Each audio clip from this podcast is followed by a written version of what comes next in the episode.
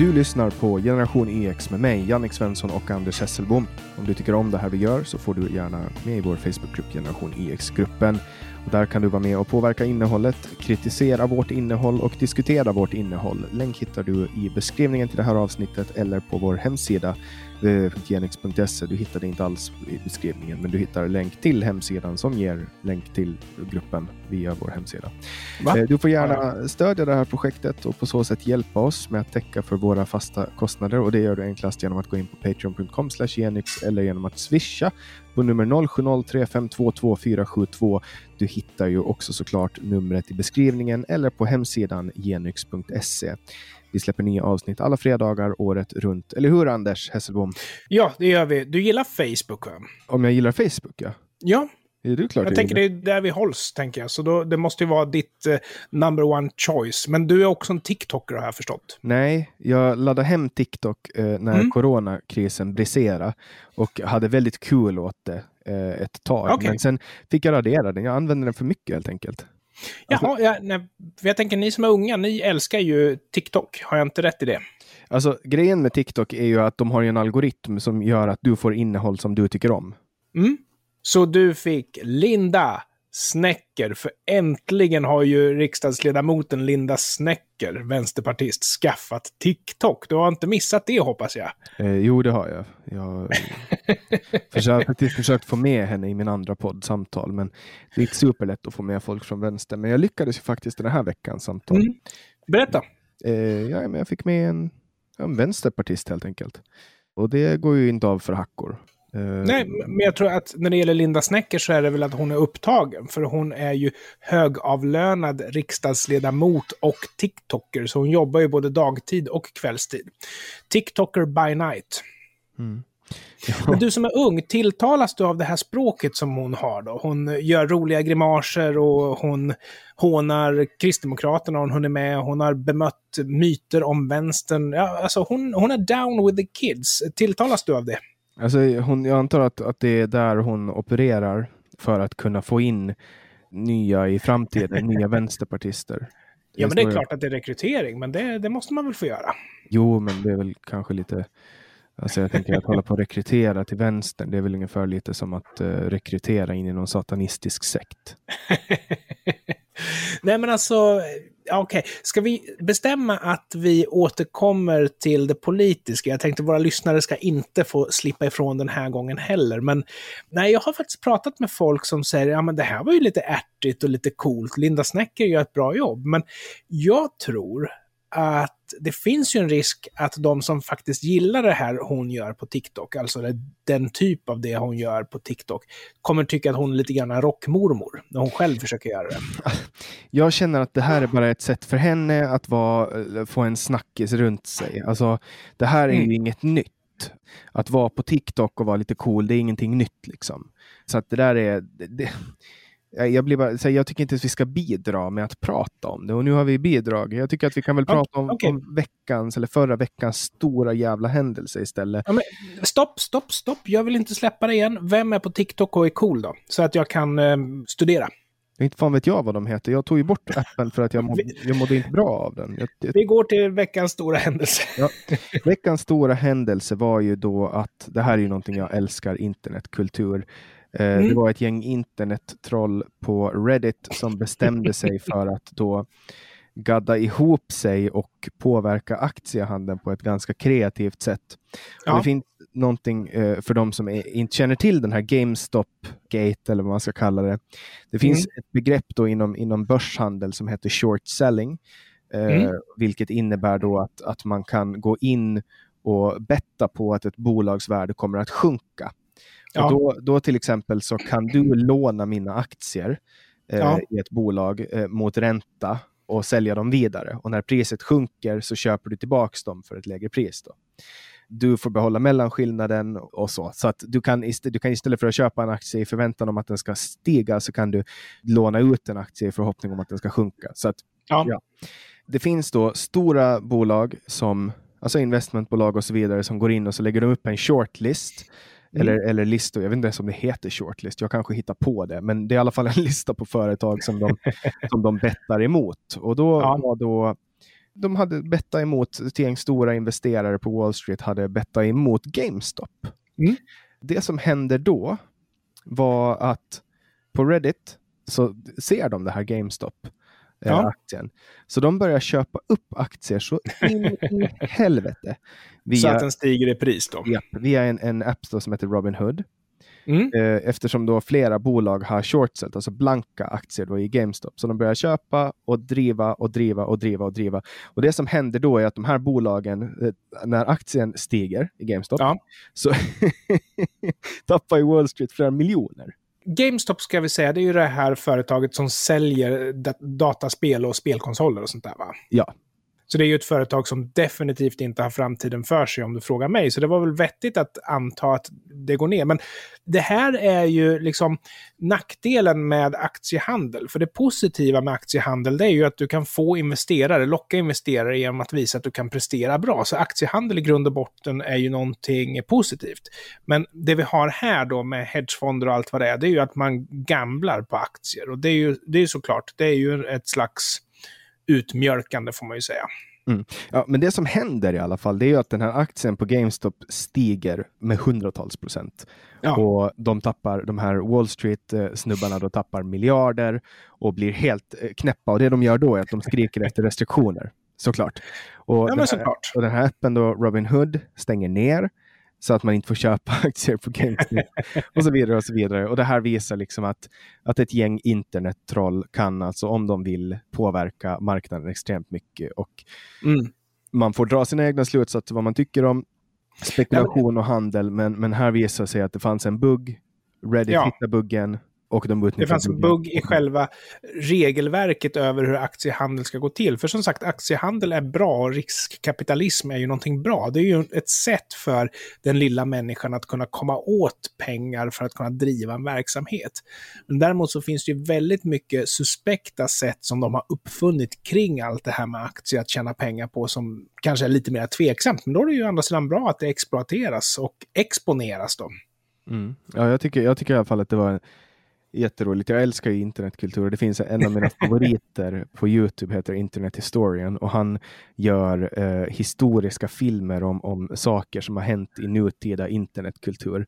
Eh, jätteroligt. Det finns en film som är alltså, hans största film som heter Fall of Fallout 76 som handlar om när Bethesda Soft skulle lansera ett spel som heter eh, Fallout 76 och Ja. allting blev fel och han har dokumenterat det här i en tidslös krönika som jag, jag tvingar inte jag dig att titta på den någon gång. Jag tror att du har nämnt det här och jag tror jag, att jag fick en jag, länk. jag tvingar dig att titta på den. Ja, därför att jag känner nämligen igen det här. Det var ett väldigt buggigt spel, kommer jag ihåg. Ja, och de, han, han parodiserar jättemycket. Eh, alltså, ja, extremt roligt. Ja, men det är i alla fall det med det. Ja, absolut, absolut. Men eh, det är ju intressant. Internetkultur är kul. Däremot så går ju internet på det vi eh, gamlingar kallar för ström. Ja, jaha. Mm. Och nu är det ju så här att det finns ju någon miljöpartist, det gäller väl i och för sig de flesta miljöpartister, som heter Lorentz Tovatt eller något sånt där, som har eh, nästan triumferat, alltså pratat om att nu har vi äntligen fått bort det här kärnkraftverket och bla bla bla, vi exporterar så mycket el och det är ju sant, Sverige är nettoexportör av el, bland annat till Finland. Det är jättekul. Men problemet är ju att vi exporterar ju inte hela tiden. När vi har underskott på el så importerar vi och vårt underskott beror ju på att vi inte klarar att producera den el vi gör av med i alla lägen och på alla platser. Ja, alla delar. Vi har ju, eh, I Sverige så har vi en överproduktion i norra delarna. Det finns mycket vattenkraft. Eh, Mm. Men i södra delarna, det går ju inte att föra el hur långt som helst. Nej, så där har vi ju haft kärnkraft. Men det som gäller nu det är ju att när vi inte går runt så importerar vi eh, polsk eh, kolkraft. Som alltså inte är klimatneutral. Men sen så har vi också i Karlshamn startat upp det här oljekraftverket också som inte heller är klimatsmart. Mm. Och jag Det går ju i enlighet med regeringens eh, löften, eller? Nej. Och just den här Lorentz Tovatt, de säger ja men nu ställer vi om till klimatsmart och modernt och sådär. Nu kommer det bli sol och vind precis överallt. Men du får ju inte sol och vind av att stänga av kärnkraftverk. Du får ju det av att producera. Och det, dessutom är det ju komplementär el.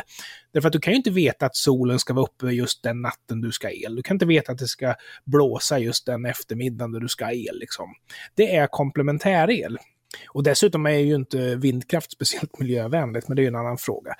Så att bara stänga av modern energiproduktion löser inte problemet. Och nu har det ju gått till den gräns att det finns till och med företag som tvingas stänga på grund av att de agerar i eltunga branscher och elen är dyr. Och det betyder ju alltså att vi får ju arbetslöshet Helt enkelt på grund av att en massa miljöpartister leker miljövänner, som de inte är. Alltså, Miljöpartiet handlar om att avveckla industrisamhället. Det handlar inte om att de är rädda om miljön. Ja, och senaste exempel är ju då eh, skogsbolaget Holmen som, som har tvingats att stänga ner sin produktion i två pappersbruk på ja. grund av höga elpriser det här är ju ett bevis på att man helt enkelt inte får det att funka i Sverige Nej. med elpriser och, och e- ekonomi. Alltså det är liksom så här, låt släpp den fri. Slu, alltså sluta, sluta mm. tvinga nedstängning av kärnkraftverk. Det är den effektivaste formen av, av elproduktion som finns och den är mm. klimatneutral i princip. Helt klimatneutral. Och jag tycker att man bedrar ju företagare, för det var ju något annat företag inom malmindustrin som gjorde en stor affär av att ja, men nu ska vi investera x antal miljarder kronor på att få bort oljebränningen och få in elbränning när vi ska värma upp vårt mineral. Liksom. Jaha, det, det verkar ju inte så smart i dagens läge. Liksom. Nej, men sen var det väl någon miljöpartist som sa att man väl får fundera på om man ska koka kaffe på morgonen de allra kallaste dagarna. Ja, och det är ju där vi landar, att vi måste börja ransonera på elen. Mm. Vi går tillbaka men, till gamla, gamla goda tider så att säga. Det var ju elranson på 70-talet i Sverige och eh, nu har vi ju försatt oss i en situation där mer och mer saker ska drivas på el. Mm. Innan vi vet ordet av Jannik så kommer till och med bilar drivas på el. Vi måste lösa problemet. Ja, jag har ju ingenting emot om vi, om vi avvecklar bilar och bara kör med hästar. Jag var ute och körde häst igår och det, det alltså, den där känslan när du sitter i en vagn och har ett mm. djur som drar dig i 50 kilometer i timmen. Ja. Det är jävligt häftigt. Ja, men jag, jag förstår det. Nu är ju tyvärr hästar inte speciellt klimatneutrala, men å andra sidan det kan man ju faktiskt säga samma sak om människor. Ju mer du rör på dig, desto mer kommer du förbränna den energi du har ätit och desto mer mat kommer du äta. Så inte bara det att du andas ut mer koldioxid när du rör på dig, du kommer också äta mer mat. Och, det, mm. och den är ju också en, en källa till koldioxidutsläpp. Men den släpper väl inte ut lika mycket koldioxid som en bil gör? Nej, alltså skulle man räkna ihop eh, på gruppnivå, då ligger ju människan naturligtvis väldigt illa till, men hästarna är ju ganska marginellt om man jämför med annat. Ja, det är till och med, jag menar, vi har ju fler kor i Sverige. Liksom. Ja, de, ja de, har, de producerar mycket gaser. Det blev jag varse om idag när jag stod och borstade en häst vid rumpan och den pruttade på mig. Ja, ja. Och det, är en ganska, det är en ganska stor volym gas som kommer ut samtidigt. Jag brukar alltid tänka på när jag hör sådana där berättelser om den här stackars forskarexpeditionen som var ute på Atlanten. Och eh, det är ju så att kaskelottvalar, de är, de är lite ökända för sin dåliga andedräkt, men den här båten, de råkade hamna precis ovanför en val som fes. Och tydligen så är eh, andedräkten en västanvind jämfört med hur det doftar när de fiser. Så det är någonting i kaskelottens kost som inte är bra för magen, som är väldigt gasbildande. Ja, på tal om eh, expeditioner så, så finns ja. min favoritexpedition och det här är alltså en, en ryss då, som heter Leonid Rogosov som var ute på en expedition, en sovjetisk eh, expedition. Då de var Antarktis och, och höll på med någonting. Ja. Och han var den enda som jobbar med, alltså den enda sjukvårdspersonalen som jobbar där. Och det som hände då, och det här var alltså början på 60-talet, de är mitt ute i Antarktis, de har liksom ett litet jävla tält som de bor i.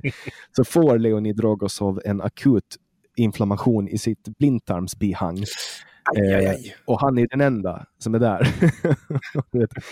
Risse som han var. Eh, ja. så opererar han ut den själv på sig själv. Så han hade folk som, han hade folk som stod med speglar medan han opererade ut sin egen blindtarm. alltså, Han svimmade flera gånger. av. Alltså, ja, nej, jag hade nog dött. Jag hade nog dött. Alltså Ja, det- inte av att jag är dålig på att operera, utan av att jag inte ens skulle komma till den fasen där, så att säga. Till de här biologerna som höll i speglarna. Eh, svimma liksom. Men den här jävla stålryssen gjorde det. Ja. Ja, Och sen, jäklar. när, vi ändå, när vi ändå är inne på det. Mm. Du vet, Yuri Gagarin. Mm. Han drack inte. Han rökte inte. Och han tränade i hela sitt liv för att Mm. få tillbringa 108 minuter utanför Ryssland. Okej, nu har vi avhandlat Ryssland klart. Jag, jag, har ju lite att prata, vi har ju faktiskt lite att prata om Ryssland, det som, Ja. det som pågår där nu. Ska vi, ta, ska vi avhandla det? När vi ändå är inne Nej, för jag har inte påläst, läst, men säg någonting du. Okej, men då skiter vi Vi tar det någon Ja, vi tar det nästa gång. Mm. Men om man säger så här, oppositionen står väl inte högt i kurs antar jag. Jag tycker vi kan ta någonting lättsamt istället. Du vet att OKQ8, eller som jag fick lära mig från mina amerikanska vänner, OK Kate heter de tydligen där. De har inlett en ny reklamserie och jag skulle tro att det här är lite grann ICA-inspirerat. Att nu presenterar de karaktärer och sådär. Och jag tänker att det är ju en ganska dyr reklamserie som ICA har gjort, men OKQ8 kanske kan göra den mer pengaeffektivt. Några tankar som slog mig, det är ju humor är ju väldigt liksom, populärt i reklam. Du har säkert sett tv-reklam där någon, något barn säger taco så mycket för att det är tack så mycket och reklam för tacos. Och du har säkert sett reklam för McDonalds där de säger El Maco är tillbacco. Och då är det tillbaka fast tillbacco. Så att de är liksom, humor är stort inom reklam. Och här hade de då ett skämt som var att, ja men varför kommer inga kunder till min kassa? Ja, det är för att du har glömt att ta bort eh, nästa kassa, tack skylten och sånt där. Och sen så skrattar man. Och jag tänker hur det måste ha sett ut på redaktionen när de skrev det här skämtet. De måste ju ha vikit sig dubbla, legat på golvet, rullat runt, gråtit, skrikit av skratt. Men de har ju också en, en eh, OKQ8-stig, så jag, för de, för de har ju en butikschef som är lite tokrolig, så i framtiden kommer vi väl sitta och fundera på vem som blir nya OKQ8-stig. Nej men alltså så här. Eh, storytelling var stort för tio år sedan. Ja. Då pratade alla om, om storytelling. Det var, det, det var då ICA började med det, antar jag. det var då som det blev riktigt eh, stort. Före det så Före det så höll man ju på med andra former av marknadsföring. Men det, det går ju inom, inom reklambranschen. Jag har ju varit Mm. inom mm, reklambranschen. Det går ju lite olika vågor. Ibland är det native och ibland är det storytelling och ibland det, alltså, det ändras jättemycket. Men, men har de kommit på nu att det där funkar? Folk pratar ju om Ica-Stig så in i helvete. Det gör ju du också. Du har ju skrivit om Ja, honom på gud, Twitter. Vidare. Gud, Vem blev nya Ica-Stig? Björn Kjellman. Okej, var det rätt? Det du trodde? Jag gissade, jag gissade rätt. Men jag tyckte att de gav ju bort det för han skymtar ju till i bild dessutom. Okej, nej men för jag träffade ju Loa Falkman på, på Mm. min kvarterskrog i Mariehamn då för, förra hösten. Så Ja. jag gick fram och tog en bild med honom. Det var en jättemysig kille. Ja, gud ja kille. ja, varför inte? Nej, men alltså, du har ju även det här med eh, att inte sälja varor utan att sälja en image kopplad till ditt varumärke. Det är också någonting som är stort. Det går ju väldigt mycket trender i reklam. Men det som jag funderar på det är ju att humor måste ju faktiskt handla om att man säljer via barn. För den nivå av skämt att ja, El Maco är tillbaka eller oj, du har glömt att ta bort nästa kassatack-skylten liksom. Det är ju inte intellektuell humor som en vuxen seriöst skrattar åt, utan det måste ju vara att man appellerar via barn. Eh, jag menar, det finns ju till och med en Renault-reklam där Gert Fylking satt och fjärtade i bilen. Det är väl inte så att jag vill köpa en Renault om Gert Fylking har fjärtat i den. Det handlar ju om att den typen av humor som man producerar ska gå via barn. Men eh, sen har väl också Gert Fylking haft eh, SM i lavemang. Ja, tillsammans med Aschberg. Jag tror att det är nog Aschberg är nog lika stor kålsupare när det gäller kiss och bajshumor om jag ska vara ärlig. Men jag tycker det kan vara ett positivt drag hos en vuxen person att den låter tycka vad som helst är roligt. Men däremot används den typen av grepp i reklam så måste det ju vara för att attrahera ungar, för de flesta vuxna tycker inte det är roligt. Mm. När jag var liten, då fanns det någonting som hette Cartoon Network. Och det var någon jävla Ja. muppar som sände eh, TV från någon prom ute på internationellt vatten. Muppar som sänder tv från en prom. Ja, eh, och de skickar liksom ut det här. Det är, det är förbjudet och var förbjudet att marknadsföra sig mot barn. Då. Men de skickar ja. ut det här från internationellt vatten, så det var ju reklam. Man blev helt störd av det. Alltså blodtrycket på kidsen var sjukt högt. För man blev helt galen av det där. Jag kommer ihåg när mina småsyskon, någon gång hade de lyckats knappa in det på, på tvn och så blev de helt, alltså, det var som att ta heroinet av en heroinist. Liksom, när, man, när man stängde av det och satt på SVT. Ja. ja. så att, men, men ja, rikta sig mot barn, reklam mot barn, man får inte göra det. Nej, men vi, vi har ju det i Sverige eftersom eh, trean och femman av de här sänder ifrån England. Vi har ju bara en kommersiell tv-kanal i Sverige och det är ju TV4, men den är ju också som sagt statlig och de har de väl ett visst ansvar att sända ifrån Sverige antar jag. Men eh, du har ju reklam för barn på alla möjliga kanaler och det beror ju på att man flyttar sändaren utomlands. Å andra sidan, apropå Estonia som vi har diskuterat flera gånger, så är ju den svenska regeringen under uppfattning att svensk lag gäller utomlands i och för sig. Ja, de vill ju till exempel döma folk som köper sex i Thailand. Ja, precis. Och jag menar, vad är nästa steg då? Ska vi eh, lämna ut personer som är homosexuella till länder där det är illegalt att vara homosexuell. Det är liksom... nej, men det, det, ja, nej, men det funkar ju inte så. det kommer en kravlista från Saudiarabiens ambassad. Så här. Lämna ut den och den och den. Skickar iväg Mark Levengood till Saudiarabien. Liksom, de ja, precis. Nej, men du, vi glömde ju nämna, jag förmodar att du har sett den här som cirkulerar på nätet, den här skärmdumpen om den här stackars killen som mejlar till Miljöpartiet i Region Stockholm och ställer en fråga. Såg du den? Nej. Han frågar, hej, har just hämtat ut min elbil. Frågade försäljaren om tomgångsförbudet gäller även elbilar, men hela bilfirman såg ut som frågetecken. Vet ni vad som gäller? Med vänlig hälsning Håkan ja, jag ska inte säga är det här på riktigt? Jag förmodar att det här inte är på riktigt. Jag förmodar att Håkan har en udda form av humor. Okay. Men det, är, det, det här... Alltså, är det så att man är kapabel nog att tjäna pengar för att köpa en elbil, då, då bör man vara så pass smart att man förstår att en elbil inte har en tomgång. Jannik, du har inte hört Miljöpartiets svar. Okay. Vilken bra fråga. Aldrig tänkt på. Ska kolla. Nej, alltså det här... Ska vi skicka in det här till Faktiskt? Det är väl Miljöpartiet som äger den här oberoende granskningsportalen. men, men Håkan är ju säkert ett troll. Men däremot så uppenbarligen Miljöpartiet ska kolla upp huruvida det är okej att låta elbilar gå på tomgång. Ja, det... visst, visst lever vi i en underbar värld? Ja, det är en underbar värld. fan vad sjukt. Jag hoppas att det är sant. Alltså, jag hoppas verkligen att det är sant. Ja, men det, det finns ju negativa sidor med eh, regeringen också. Det är inte bara ja. fun and games med Miljöpartiet, absolut inte. Och som jag sa, vi ska återkomma till det. Men en av de grejerna som jag tycker mig se som nästan negativt definierar vår regering, det är ju det här att de har en tendens att vad ska man säga, putsa i sin historia. Ja, vänta, vänta, vänta, vänta. jag söker ett ord, jag har det på tungan. Mm, historierevisionism kanske? Eller vänta, vänta, vänta, vänta, nej. Lögn, kanske? Ja, alltså lögn är väl kanske ett starkt ord, men, men eh, och revisionism är ju ganska nära vad som faktiskt håller på att hända här.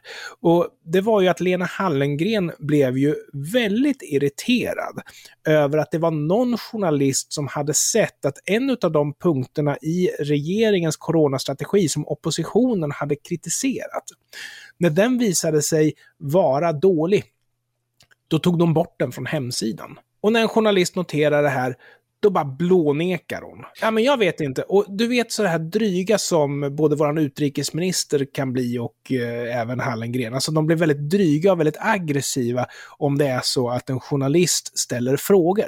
Ja, men det, det, det man är ju inte van med att journalister ställer frågor. Det som, det som händer då, bara för att göra det klart, mm.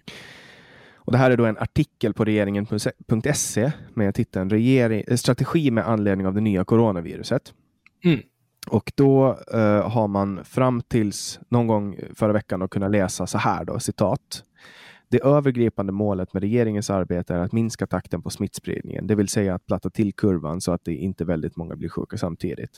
Men eh, Emanuel Karlsten, då, som jag för övrigt eh, har träffat vid några tillfällen, han är, jätte, alltså han är en väldigt skarp journalist. Eh, ja, ja, oh, ja. Mycket, mycket skarp journalist. Han avslöjade då att man har strukit delar av det. Mm. då har man liksom inte kommenterat det här någonstans. Så det som blev kvar då var citat, det övergripande målet med regeringens arbete är att minska smittspridningen i samhället. Man plockar alltså bort en stor del. Och, och, här då, så när, när de ställer frågan och vill veta vad det är som händer, då säger eh, Lena Hallengren så här, det här är citat, och journalisten från Expressen ställer en fråga om det här då. Och då svarar hon, jag har verkligen ingen inblick eller kunskap om det. Hur många meningar och artiklar och intervjuer och tal vi skrivit. Det kan ni gärna få räkna ut och så tar ni fram en mening av dem, säger Lena Hallengren. Då. Så ställer journalisten frågan, men det är inte vilken mening som helst. Och då säger hon, nej, jag har ingen inblick i det. Och så säger journalisten, men har ni utrett hur det gick till? Och då svarar Lena Hallengren, som för övrigt älskar mm. utredningar, utrett? Jag har i alla fall inte utrett någonting. Och då, säger, och då säger journalisten, har du någon vetskap om hur det har gått till? Och då säger hon, nej, det vet jag inte heller. Jag trodde att du skulle fråga vem och det har jag absolut ingen kunskap om. Sen vidare, säger journalisten, kan du förstå att det väcker frågor eftersom det inte är vilken mening som helst? Det är ju en central del i den kritik från oppositionen. Skriver hon ja och nej. Det är klart att skruvar man upp det väldigt mycket och sätter det i ett sådant sammanhang så förstår jag det. Men jag tycker inte egentligen att det finns någon anledning. Vi har inte ändrat någon strategi och vi har inte ändrat i någon typ av dokument eller liknande. Utan av någon anledning har någon mening ändrats. Jag, jag kan inget mer om det, men jag tycker det saknar proportioner. Det är mitt svar. och då, det fortsätter, förlåt Anders, men vi fortsätter citera lite till från Expressen. Journalisten säger, ni kommer inte att utreda detta vidare. Och då svarar hon, utreda? Frågetecken. Och så säger journalisten, hur kunde det ske? Oppositionen kräver svar om detta. Och då säger hon, ja, de vill ha svar på väldigt mycket. ja, det, det vore konstigt annars. och då säger journalisten, det kommer alltså inte att utredas. Och då säger hon, du har så stora ord. Någon har ändrat något och jag vet inte varför. Och journalisten måste du kreditera också. Journalisten då som jag refererar till heter Thomas Nordenskjöld. Mycket bra. Eh, ja, och det, jag skulle säga att det är ganska bra journalistik att uh, trycka så här hårt också jag tycker att det är bra. Jag tycker att det är precis det där som saknas eh, i svensk journalistik generellt, som han visar prov på här. Och jag tycker också att vi har sett att det är precis det här som regeringen blir frustrerad av. Jag tycker SVT är inte alls lika, vad ska man säga, gåpåiga när de ställer frågor till politiker. Och jag fastnade faktiskt på en grej, apropå revisionism. Det var Peter Dahlgren som hade fixat skärmdumpar från Rapport, där Sveriges Television visar upp en graf över antalet dödsfall i covid-19 i Sverige. Och när den här högsta piken dyker upp första gången så är skalan på diagrammets y-axel 120 antal dödsfall i alla fall. Och när den dyker upp andra gången så har, ja, vi har ju bara fortsatt på nedgången så att säga, påbörjat en ny uppgång och det här är ett halvår senare, knappt. Ja, då är den övre skalan 200.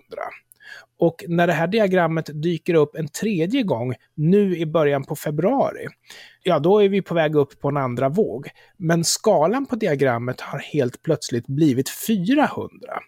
Och vad det här innebär, det är ju alltså att diagrammet, alltså antalet döda, blir ju lägre och lägre rent visuellt. Därför att man ökar och ökar y-axeln hela tiden. Ja, och det ser ju väldigt bra ut. Det ser ju ut som att det inte finns någon anledning att oroa sig.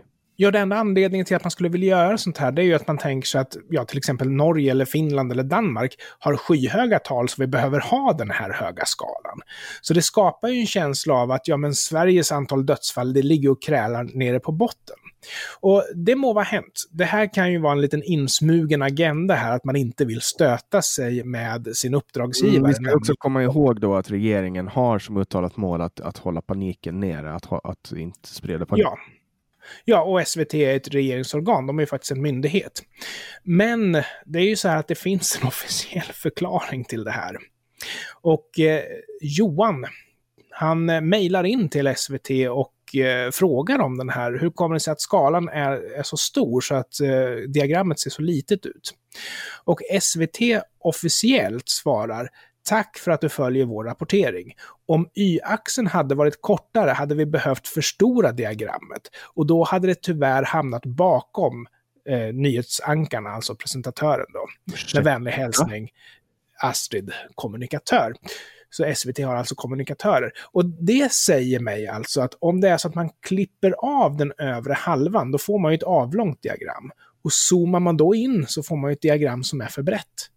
Men det är ju inte det som är frågan. Frågan är ju valet av skalan på y-axeln. Alltså du kan ju skala i y-läge oberoende av x-läge och tvärtom. Ja, ja, och skalan, det där spelar ingen roll. Alltså, du kan ju fortfarande uppnå en grafik som funkar i samma ram. Ja visst, du kan interpolera åt båda håll. Till och med Excel har ju 17 möjlighet att sätta skalan. Och sätter du på auto så får du den distribuerad så att allt data distribueras över hela eh, diagramytan. Så jag menar, du måste ju aktivt gå in och säga att du vill ha en annan skala om du vill att datat ska ligga och eh, kravla på botten. Mm. Men det som förvånar mig, det är ju att det här är alltså SVTs officiella svar på frågan om varför alltså, jag, jag undrar om de, om de skickade det här till propagandaministeriet först, som fick eh, granska det. Det finns en gammal bok som heter 1984 där huvudpersonen har som jobb att läsa nyhetsmaterial och korrigera texterna så att det stämmer överens med vad regeringen just nu anser vara den rådande sanningen. Mm. Och de har alltså rör ner till brännugnar där de slänger in gammalt material. Och jag tycker att det verkar som att vår regering använder den här brännugnen alldeles för ofta. Ja, det börjar, alltså, det, det börjar bli dags för min årliga läsning av, av 1984. Jag läser den en gång per år, för, bara för att liksom, Just det. Jag behöver inte förklara för dig vad den handlar om. Lyssnarna. Vi har ju faktiskt några ja. lyssnare också. Som... ja, några har vi. Det är sant. Ja, det är kul. Vi vet ju inte ens hur många. Det är bara jag som håller koll på hur många jag, jag, menar, jag vet ju några personer som lyssnar och de personerna tycker jag är trevliga. Så jag sitter gärna och pratar som om det är dem jag pratar med. Så. Nej, men för jag vill, jag vill ju bara inte ge dig eh, storhetsvansinne. Nej, eh, men vet du varför jag blev som jag blev? Berätta. Det är så att Sveriges Television rapporterar att i Habo, där får barnen bara en halv frukt istället för en hel i samband med skolmåltiden. Och jag, jag tänker är, är de jätteöverviktiga där eller? Nej, jag tror att det handlar om att man ville spara pengar. Och när jag tänkte tillbaks på hur det var när jag gick i skolan i mellanstadiet, då var det vissa dagar i veckan som man fick en apelsinklyfta till efterrätt. Och de här föräldrarna i Habo är alltså upprörda över att barnen får en halv apelsin istället för en hel apelsin. Och då tänkte jag att de här människorna, unga föräldrar, de är födda på 80 och 90-talet. De har sett oss gamlingar växa upp och sett vad vi har blivit. Och så har de tänkt att nej, de där åt nog inte tillräckligt med frukt. Jag vill inte att mina barn ska växa upp och bli som Anders Hesselbom. Och det där kan du dra vidare. När Anders Hesselbom växte upp så var tomtefabriken i Kalanka på julafton oklippt. Jag vill inte att mina barn ska bli som Anders Hesselbom. Du kan hålla på sådär. De vill inte att sina barn ska bli som vi. Nej, jag förstår det, men jag tänker så här, om man tycker att att de skickar, alltså att det är för lite frukt till barnen, då kan man ju skicka med frukt till barnen. Det där är lite konstigt att inte den tanken har slagit dem. det, är en, det är en perfekt kompromiss, för då får de ju den frukten som de vill ha och så får de en halv frukt av någonting som de kanske tycker om. Ja, ja jösses. Ja, men, alltså, konstigt att inte den tanken har slagit. Men, men det är det. Skolan ska ju vara kostnadsfri, men jag tror faktiskt att ta med en frukt är tillåtet, så det är faktiskt ett alternativ. Ja, får de ta med egna cigaretter också. Jag tänkte att vi skulle ta ett kort litet nedslag på covid-siffrorna som de såg ut den 2 februari. Mm. Eh, och då har vi då alltså, vi, vi börjar med avlidna. Där man, och jag har med Åland här på grund av lokal patriotism. Okay? Så ja. Åland, noll avlidna. He räkna per capita, men okej, okay, säg siffrorna. hela Åland, noll avlidna. Mm. Hela Finland, 677 avlidna. Och... Jag vill bara säga en grej, kom ihåg de siffrorna. Om det är så att du hittar en kobbe ute i havet där det inte bor någon och de har noll avlidna så är det 100 procent. Ja, jag skojar. Men Förlåt. Du får inte skoja om Åland. Vi har gått igenom det här förut. Du, Sorry. du trycker på mina svaga punkter. Jag kommer att skicka missilrobotar på dig. Skitsamma, i alla fall. Hela Finland 677 döda eh, och Sverige mm. då fram till den 2 februari 11 815. Och jag är ganska tämligen övertygad om att Finlands strategi var att hålla smittan nere. Ja, vilket är Sveriges strategi just nu, men det mm. har ju inte alltid varit så. Ja. Nej, sen har vi då på Åland bekräftat 117 smittade. Hela Finland 45 784 smittade och i Sverige 576 606. Men Sverige är ett mycket större land. ja, jag tycker det. Vi kan kolla på incidensen också då. Ja, nej, men det är ju bara att dividera svenska siffrorna med två så får du ju en jämförelse som står i proportion med storleken och då är ändå Sveriges siffror förskräckligt höga. Mm. Ja, jag, jag, tyckte bara det var lite intressant att, att, att, se de här siffrorna. Dels för att Åland har klarat sig så bra, men också för att Finland har klarat sig så bra. Och jag är ju glad över det. Alltså, vi har ju inte lika många som har dött och det är ju jättebra. Ja, alltså man ska ju vara glad, man ska ju inte vara missunnsam. Och jag tror ju att väldigt många i Sverige skiter i regeringens coronastrategi och gör som de vill ändå.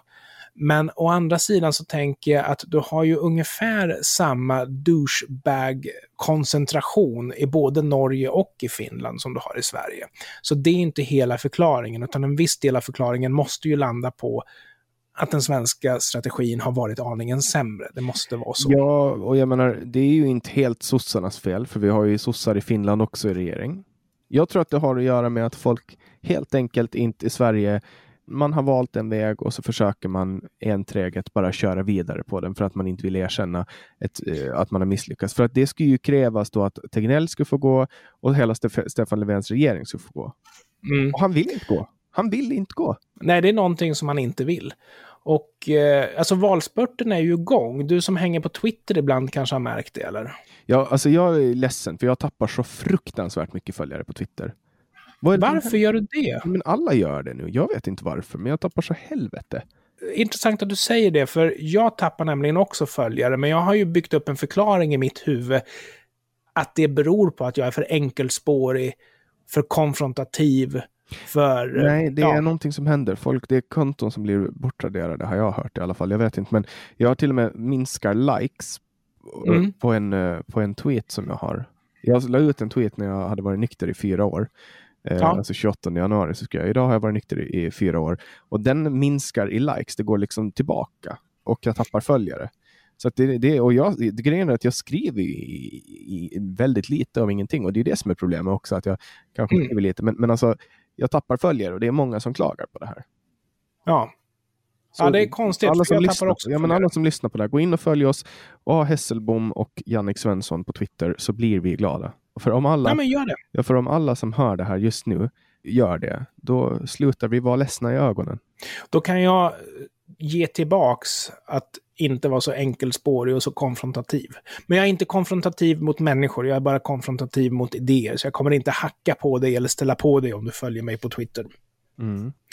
Vänsterns strategi den här gången nu då för att bygga upp ytterligare en valseger, har du tänkt på vad den är? Eh, brunsmetning kanske? Ja, det är faktiskt det. De har ju lite grann slitit ut det här att ja, men om vi vinner valet den här gången, då ska vi stoppa gängkriminaliteten. Nej, men om vi vinner valet den här gången, då ska vi stoppa gängkriminaliteten. Och de har väl kommit på att det där inte funkar.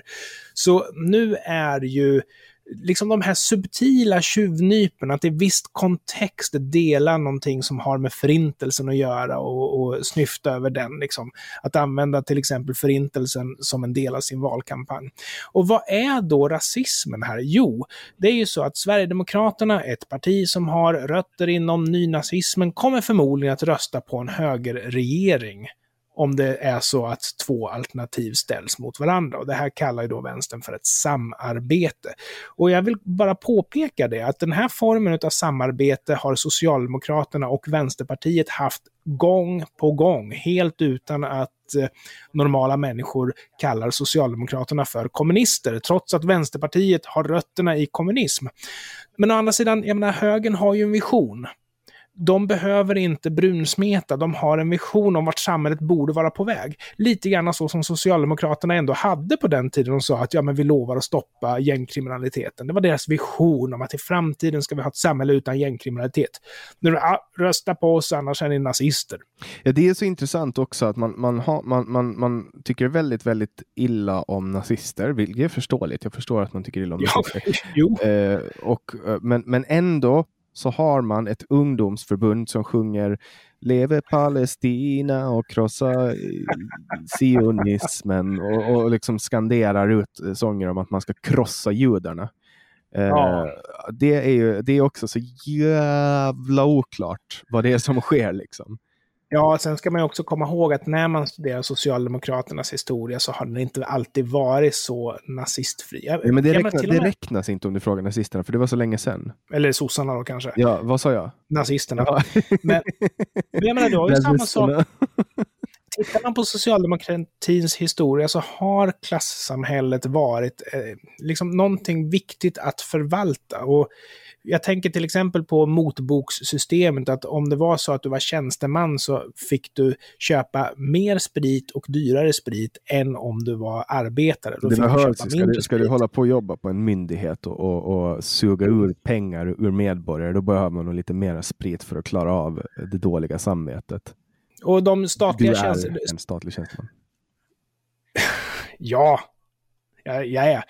Men även spionaget som Systembolaget bedrev mot sina kunder för att kolla att de inte nöjessöp och sådär. Ja, eller spionaget de gör nu. De, de tittar ju på legitimation på alla sina kunder. ja, men de följer inte efter dem i smyg och ser hur de lever sitt liv. Men det var ju bara arbetarklassen som blev utsatt för det där. Liksom adeln behövde ju aldrig få någon spejare från Systembolaget efter sig. Liksom. Nej, Stasi. Ja. Mm. Känner vi oss klara för idag, Anders?